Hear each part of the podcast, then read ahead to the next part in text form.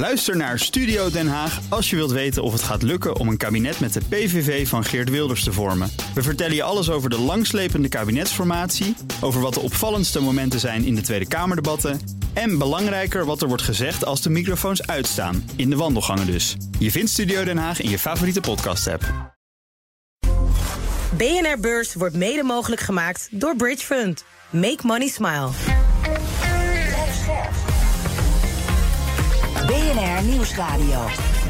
BNR Beurs. Wesley Weert. We zijn over de helft, want het is woensdag 13 september... en je luistert naar de podcast voor de slimme belegger. Op de dag dat een van de grootste banken van Amerika, Citigroup... met een grote aankondiging komt. We're looking at the biggest restructuring at Citigroup in about two decades... because not only are they restructuring their investment banking trading units... they are restructuring the entire bank and its top management layers. Een reorganisatie dus. En Stefan Kastelein van Eén Vermogensbeheer is hier om de beursdag door te nemen. Hallo Stefan. Ja, hallo Wesley. Om te beginnen met de AX. Die sloot 0,2% lager, net onder de 735 punten. En ArcelorMittal is met een min van 2,1% de grootste daler. Zometeen hoor je alles over de magie van Apple, want die lijkt uitgewerkt. En Europa gaat Volkswagen en Renault beschermen tegen China. Want China speelt vals, zegt EU-baas Ursula von der Leyen. Competition is only true as long as it is fair. Maar eerst nog even die uh, reorganisatie van uh, Citigroup, de grootste in tientallen jaren. Stefan, wat gaat er allemaal op de schop? Ja, er gaat om de, uh, heel wat management op de schop. Hè. Ze gaan afdelingen waarbij er bijvoorbeeld bij private banking en wealth management aparte managementsniveaus zijn. Die zullen samengevoegd worden. Ook de buitenlandse activiteiten, daar zullen ook één grote activiteit van gemaakt worden. Dus het is mm-hmm. toch ook vooral een stroomlijning en efficiëntieverhoging omdat ja, Citigroup toch wel wat achtergebleven is ten opzichte van de grote concurrent in de VS, JP Morgan. Het is toch niet zozeer conjunctureel lijkt het mij, maar eerder ja, de organisatie zelf die, die, op scherp moet gesteld worden. Dan wat anders, want de geruchten kloppen. Ik vertelde eerder al dat Burkerstok nog deze week zijn beursplannen zou aankondigen.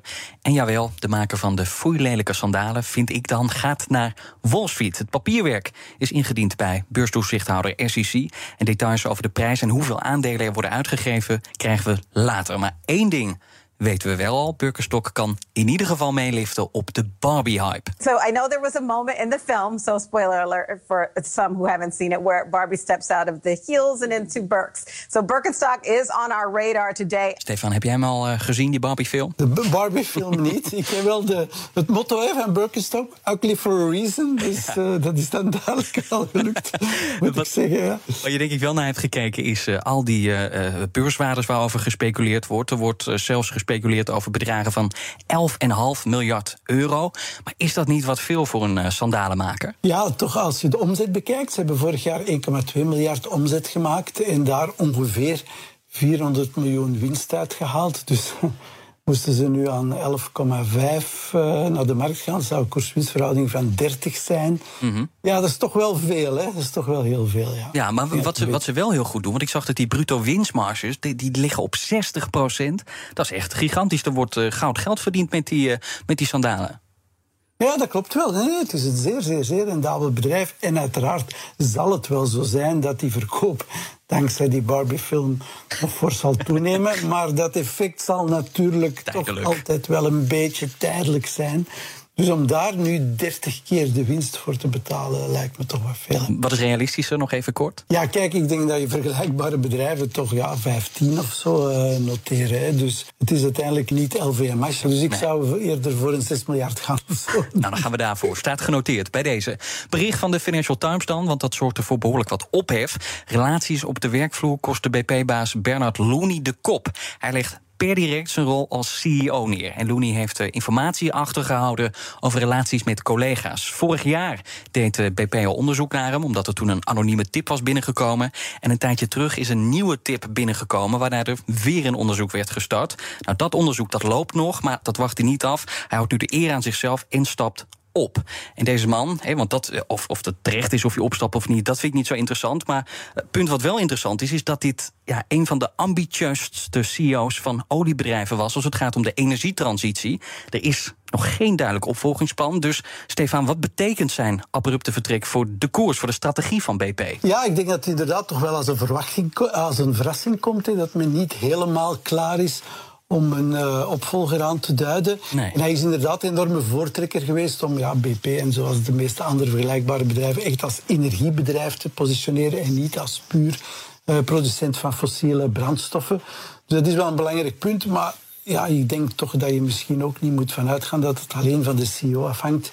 Dat dat een strategie is die toch op veel meerdere niveaus zijn uitgewerkt en dat een nieuwe CEO diezelfde strategie toch wel uh, zal verder zetten. Ja, denk je? Want zijn voorganger was helemaal niet zo van de groene ambities. Sinds zijn komst is er wel echt wat veranderd bij BP. Kijk, ik denk dat er in zekere zin wel geen keuze is. Hè. Dus uh, uiteindelijk alle vroegere oliemaatschappijen verdienen nog altijd veruit het meeste geld met de fossiele brandstoffen. Dus ze zullen dat niet snel op zich verlaten. Maar ze weten ook wel dat de markt en het publiek verwacht dat die beweging gebeurt. Nou, maar beleggers, uh, Stefan, die juist door de druk ook van beleggers, want hij had hele ambitieuze klimaatdoelen, maar die heeft hij wel weer ietsjes bijgesteld. Uh, dat ze dus slechter zijn, uh, minder ambitieus, na druk van de aandeelhouders. Dus ja, dat iedereen zo graag die duurzame koers wil varen. Nou, veel aandeelhouders van BP nog niet. Ja, kijk, misschien dat inderdaad voor aandeelhouders wat minder evident is of het wel moet gebeuren. Hè. Maar ja, je, die, die, je kan die trend dan toch niet uh, omvormen. Maar ik zeg het, we moeten toch ook beseffen dat al die bedrijven, of het nu BP is of, of Shell uh, of Exxon, uh, de grootste, veruit grootste deel van de winst komt nog wel mm -hmm. uit fossiele brandstoffen. Dat moeten we nog wel beseffen. En dat zal waarschijnlijk nog wel een hele tijd zo zijn. En we moeten het ook natuurlijk hebben over de presentatie van Apple. Het bedrijf kondigt de iPhone 15 aan. Nou ja, weer een betere camera, snellere processor. Er zit nu USB-C-aansluitingen op. Dus ja, je hebt ook geen gehannes meer met allemaal verschillende kabeltjes. Ja, er waren nog wat andere kleine vernieuwingen. Alleen beleggers die zijn niet enthousiast. Dus ze zetten het aandeel Apple lager. Alleen de grootste vernieuwing die zit hem dan ook niet in de toestellen, maar in de prijs. Want terwijl Apple de afgelopen jaren keer op keer de prijs omhoog gooide, houdt Apple ze nu gelijk. They still start at just $7.99 for iPhone 15 and $8.99 for iPhone 15 Plus. The iPhone 15 Pro will start at the same price as last year, $9.99. Stefan heeft een bekende onbekende meegenomen. Iedereen heeft wel iets van het bedrijf in huis, maar bijna niemand belegt erin. En dat is onterecht. En Stefan vertelt zo waarom. Maar eerst nog even Apple, want het bedrijf lijkt dus bang te zijn dat klanten bij ja, nog een verhoging, nog een prijsverhoging weglopen. Uh, daarom houden ze dus die prijzen gelijk of gaan die prijzen zelfs omlaag. Maar heeft Apple ook echt zijn limiet bereikt, Stefan, als het dus gaat om het verhogen van die prijzen? Ja, over de eerste negen maanden van het boekjaar is de omzet uit de iPhone toch gedaald van 163 miljard naar 157 miljard dollar. Mm -hmm. Enorme bedragen, maar het geeft toch wel weer dat de rek wel een beetje uit de groei is. Hè. Dus ik neem aan dat ze inderdaad effectief, wat je zegt, toch wel schrik hebben dat ze de groei verder zullen fnuiken door de maar prijzen nog te verhogen. Hoe erg is dat? Dat er nu, hè, want het is wel echt de verkoopknoller. Nou, die is nu even ja, wat minder grote verkoopknoller, maar gaat nog steeds best wel goed over die toonbank. We willen nog steeds echt wel die iPhone kopen. Dus hoe erg is het dat het even het kwartalen wat minder is? Ik denk dat het uh, niet noodzakelijk dramatisch is, omdat uh, Apple, de kracht van Apple is dat ze uiteraard een heel universum uh, gecreëerd heeft van mensen die de iPhone gebruiken en met de iPhone ook steeds meer via Apple Pay en Apple Music dat het eigenlijk ja, een universum wordt waarbij men eigenlijk in, het, in de Apple-wereld leeft. Ja. En die, uh, die trouw van uh, de Apple-gebruikers is wel zeer, zeer hoog. Hè. En daardoor blijft Apple een enorme cashgenerator. Het is niet noodzakelijk dramatisch, maar natuurlijk wil men toch ook wel voorkomen dat er misschien toch hier en daar overlopers zijn. Nee, en we weten ook dat beleggers van groei houden. Dus ja, als je omzet lange tijd op, op hetzelfde niveau blijft, dan zijn beleggers op een gegeven moment erg ontevreden. Maar als ze het nu dus niet van prijsverhogingen moeten hebben, waar komen dan de extra inkomsten de komende tijd wel vandaan? Zijn dat die diensten waar jij het over had? Ja, inderdaad. Dus dat eh, ben ik van overtuigd dat dat de groei moet zijn om van veel vele van die diensten, soms ook diensten die niet zelf van Apple zijn, om daar ook te blijven op verdienen. Nee, dat, dat klopt wel, Stefan. Maar als jij die iPhone niet meer verkoopt, dan kun je vervolgens ook niet uh, je, je, je, Apple Pay uh, eraan hangen. Je kunt ook niet uh, al die apps verkopen in de App Store, Apple Music. Dus ja, je moet die dingen wel blijven verkopen, want anders kun je die dienst ook niet slijten aan je klanten. Ja, inderdaad. Dus je moet wel de trouw van al die mensen die in het systeem zitten behouden. En waarschijnlijk zal men nu inderdaad wel geoordeeld hebben dat we wat voorzichtig moet zijn met de prijzen. Om, als men die dan ook nog eens verhoogt van de iPhones, ja. dat het gevaar dat mensen toch zullen afstappen groter zou kunnen worden. Er was nog wat anders rondom Apple, want al dagenlang gaat het over die ban in China. Want ambtenaren zouden daar geen iPhones meer mogen gebruiken. Maar China heeft nu voor het eerst zelf gereageerd en het land ontkent een verbod te hebben ingevoerd. Maar ja, we zagen toen dat verbod, toen, daar, toen daarover geschreven werd, dat het bijna 200 miljard dollar aan beurswaarde verloren ging. Ja, die zien we er nu niet bij komen nu uh, dat verbod uh, niet blijkt ingevoerd volgens China. Hoe, hoe komt dat, uh, Stefan? Ik denk toch wel dat er jammer genoeg toch een soort handelsoorlog tussen de VS en, en, China op gang is gekomen. Ja, maar die was er al. Dat steeds weer steeds weer nieuwe prikjes worden uitgedeeld. En Huawei was een belangrijke prik die vanuit de VS is uitgedeeld. Dus ik denk dat Apple een nieuwe prik is vanuit uh, China. Maar geloven we China uh, dan nog niet helemaal? Ja, ik denk dat, ik denk dat een, een brave ambtenaar in, in China, zelfs als het niet strikt verboden is om een nieuwe iPhone te kopen, dat hij dat toch niet gaat durven. Hè? Dat dat onpatriotic gaat lijken ja. en dat hij dat niet gaat durven. Stefan, ik wil met jou nog naar de jaarlijkse toespraak van EU-baas Ursula von der Leyen. Haar State of the Union, zeg maar de Europese troonrede. Want daarin haalde ze hard uit naar China. Europa wordt uh, overspoeld door goedkope Chinese auto's. En daar wil ze een eind aan maken. En daarom gaat de EU nu onderzoeken of er sprake is van illegale staatssteun. Dus dat uh, China elektrische auto's met subsidie onder de kostprijs verkoopt. om ze vervolgens te dumpen op de Europese markt. This is distorting our market. And as we do not accept this distortion from the inside in our market, we do not accept this from the outside. En na deze aankondiging schoten aandelen van autofabrikanten omhoog. En dan heb ik het over Europese autofabrikanten. Renault stond zelfs even 5% hoger. Maar Stefan, wat voor maatregelen kan Europa nemen om het dumpen van die goedkope Chinese auto's tegen te gaan? We zien ze inderdaad rijden, hè, de BYD's en de NIO's en de Polestars. Steeds het is niet meer. zo makkelijk om dat, om dat tegen te houden. Maar wat misschien nog belangrijker is, in China zelf waar het toch voor veel Chinezen toch wel heel fancy was om met een BMW of een Mercedes of zo te rijden, is de trend ook aan het keren. De mensen willen ook daar die BYD's en die NIO's kopen, omdat die in hun hogen meer geavanceerd zijn, vaak mooiere elektronica hebben en inderdaad Goedkoper. qua eh, elektrisch rijbereik en rijkbereik ook elektrisch eh, sterker zijn. Hè. Dus het is langs beide kanten eigenlijk. Europa kan minder exporteren en importeert meer. Dus dat is inderdaad een zorgzaam element. Ik moet toch nog eens weergeven dat vorig jaar Europa toch nog altijd drie keer zoveel auto's naar, naar China heeft geëxporteerd dan geïmporteerd vanuit China. Maar de trend gaat wel zeer sterk uh, de andere richting uit. Hè. Ja, maar en, en welke autofabrikanten, welke Europese autofabrikanten leiden nou het meest onder die concurrentie uit China? Ja, de grootste concurrentie is inderdaad de, de, de laten we zeggen, de lagere niveaus van, uh, van auto's. Hè. Dus de, ik denk dat de Mercedes en de BMW's beter ontsnappen. Maar bijvoorbeeld Stellantis, hè, die de wagens maakt van Peugeot, van Opel en dergelijke meer. Ja, die auto's ja, die staan toch meer uh, sneller in, de, in concurrentie met die relatief goedkope BYD's en NIO's. Hè. Dus toevallig inderdaad uh, Frans, uh, Italiaans. Ik denk dat die toch wel uh, moeilijk zitten. Twijfel je ook echt aan het voortbestaan van Stellantis? Want als je kijkt naar hoe dat die bedrijven op de beurs gewaardeerd worden... dan ja, kun je ook zeggen, beleggers hebben de hoop al opgegeven. Ja, ik denk dat het wel gevaarlijk gaat worden. En dan misschien weergeven dat er misschien nog een andere, veel belangrijke factor op dat gebied is. Dat is namelijk Tesla. De grootste producent van elektrische auto's is Tesla. Tesla heeft een nieuwe fabriek gezet in Duitsland. Dat is toch wel spectaculair. Daar maken ze een nieuwe elektrische auto in 10 uur. En om een idee te geven, ik denk dat Volkswagen er ongeveer 30 uur voor nodig heeft. Hè. Dus op dit moment is Tesla enorm efficiënt. Daarmee kunnen ze ook weer die prijzen omlaag trekken.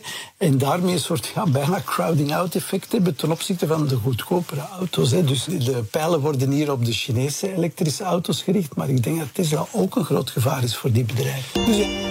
BNR Beurs.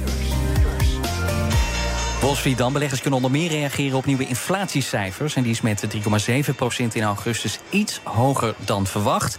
De Dow Jones staat vlak op die van zijn plek. De S&P 500 krijgt er 0,3% bij. En de Nasdaq wint een half procent. Dan nog even Apple kort, hè, want er was dus twee keer nieuws. Een nieuwe iPhone.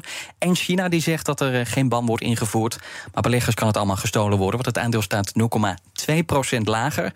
Uh, beleggers zijn enthousiaster over die reorganisatie van Citigroup, Group, waar we het over hadden. 1,6% in de plus. En American Airlines, dat aandeel dat staat ook in de schijnwerpers, want dat komt met een winstalarm. De verwachtingen voor het derde kwartaal worden behoorlijk verlaagd. En dat heeft twee redenen. De brandstofprijzen, want die gaan hard omhoog. En dat geldt ook voor de personeelskosten. En het aandeel American Airlines staat daarom 4% lager. En je ziet ook dat concurrerende luchtvaartmaatschappijen ook lager staan op Wall Street. BNR Beurs. Al de hele week kijken we naar de parels van de toekomst. En daarvoor kijken we expliciet buiten Europa en Amerika. Want we zoeken naar de Tesla van India, het Apple van Brazilië en de Coca-Cola van Zuid-Afrika. Aandelen uit opkomende economieën met een glansrijke toekomst. Alleen Stefan, jouw bedrijf komt uit Zuid-Korea. En het is een bedrijf met juist een heel succesvol verleden. Je wil het over Samsung hebben. Ho hoezo? Ja, Samsung is inderdaad een grote naam, kennen we allemaal. Maar Samsung is inderdaad het 25 grootste bedrijf in de wereld als je puur kijkt naar de omzetcijfers. Maar als je kijkt naar de beurskapitalisatie, dan Samsung is nowhere near. Hè. De beurskapitalisatie is maar een goede 400 miljard euro. Dus als je dat vergelijkt, dat Apple bijna op pad met 3000 miljard was. Dus het verschil is wel zeer, zeer groot. En ja, dus daarom wil ik het wel eventjes aanhalen als een, ja, zou ik zeggen, een onbekende bekende. Hè. Dus we kennen de naam, maar we kennen niet het aandeel. En het is misschien wel de reden om eens naar te kijken. Alleen, dat aandeel is ook al jaren genoteerd aan de beurs. Hoezo zou dat aandeel dan opeens de komende jaren veel heel erg gaan stijgen? Ja, ik denk dat men er moet als het ware durven in beleggen. Dus een van de nadelen van Samsung is inderdaad Zuid-Koreaans. En vandaag is Kim Jong-un ook nog eens een keer bij Poetin geweest. Dus Noord-Korea blijft een risico. Dus dat heeft al een, een, een element of, of een risico-element gegeven. Velen, voor velen is het ook wel heel exotisch. Alhoewel je het aandeel kan kopen, zowel in Frankfurt als in Londen. Dus het is niet onmogelijk om het, uh, om het lokaal te kopen. Nee, en iedereen kent het merk dus, ook. Ja, absoluut. Hè. En we hebben het net over Apple gehad. Apple zal misschien toch iets minder snel groeien. Ja, dan zou Samsung en de Galaxies van de Samsung toch wel een alternatief kunnen zijn. Uh, dat is in ieder geval een heel belangrijke activiteit uh, van Samsung. Waar ze, ze zijn iets minder succesvol geweest in die plooibare gsm's. Hè. Daar wilden ze zich echt wel in uh, profileren. En dat is misschien wel iets minder succesvol geweest. Nou, kan nog komen natuurlijk. Hadden. Kan nog komen. Ze willen er verder blijven op inzetten. Het is in sommige landen ook wel populairder dan bijvoorbeeld bij ons. Uh, en inderdaad, het zijn wel zeer geavanceerde phones. Hè. Dus het is niet dat technologisch uh, er een grote achterstand is. Nee, maar er zit natuurlijk wel, je zei net al, een gigantisch gat qua beurswaarde tussen Samsung en Apple. Je trok zelf de vergelijking net tussen die twee bedrijven. Het zijn natuurlijk ook heel andere bedrijven. Want Samsung doet heel veel. En Apple focust zich voornamelijk op ja, de mobieltjes en, en de laptops. Maar dat gigantische gat tussen die twee bedrijven, zie je dat, ja, zie je dat de komende jaren dat dat ietsjes verkleind wordt. En dat Samsung dus iets inloopt op Apple? Of blijft dat gat zo groot? Ja, ik zou toch durven verwachten dat dat, dat grote waarderings, uh, of dat waarderingsniveau van Samsung naar boven kan gaan. Samsung is ook een bedrijf dat enorm investeert in research and development. Ze willen dus het technologisch evolueren. Ze zijn natuurlijk naast uh, de producent van de mobiele telefoons, ze zijn ook de tweede grootste producent ter wereld van microchips. Alleen Intel is groter. Uh, maar ze zijn, dat moet toegegeven, niet de snelst groeiende in die sector. Zoals we weten, dat is Nvidia. Dat ondertussen ook al de derde is. Hè. Dus er is daar wel concurrentie komende. En zeker met die absolute topchips die bijvoorbeeld Nvidia kan maken, moet Samsung misschien wel uh, een tandje bijsteken. Maar dat kunnen ze wel. Hè. Ze zijn wel een zeer geavanceerd bedrijf, investeren heel veel in research and development. Dus ja, in verhouding ook tot die, al die investeringen die gebeuren, is de beurskapitalisatie van Samsung in mijn ogen heel laag. Of in verhouding lager, zeker, dan de Amerikaanse concurrenten. Tot zover de woensdag. Laten we kijken naar morgen. En dan staat de dag helemaal in het teken van de rentevergadering van de Europese Centrale Bank. Je hoort beurscollega Danielle Kastemans. Voor het eerst in tijden wordt de ECB-vergadering echt spannend. Komt er nog een renteverhoging bij of niet? De ECB heeft de rente al negen keer op rij verhoogd. Waren grote beleggers aan het begin van de week nog optimistisch dat een tiende verhoging zou uitblijven, hebben ze deze verwachting nu moeten bijstellen en rekenen ze wel degelijk op een renteverhoging. Ook centrale bankiers, onder wie Klaas Knot, blijven benadrukken dat er nog een renteverhoging nodig is. Daarnaast komt softwaremaker Adobe met resultaten over het derde kwartaal. Het heeft even geduurd, maar ook Adobe is nu aan boord gesprongen van de AI-trein. Dankzij de nieuwe AI-tools kunnen gebruikers met slechts drie muisklikken een compleet nieuwe afbeelding genereren. En sinds de lancering van deze tool is de aandelenkoers van het bedrijf met 36% gestegen. Tot slot komt uit de VS nog een rits aan macro-economische cijfers. Cijfers over onder meer de detailhandelverkopen, bedrijfsvoorraden en producentenprijzen worden bekendgemaakt.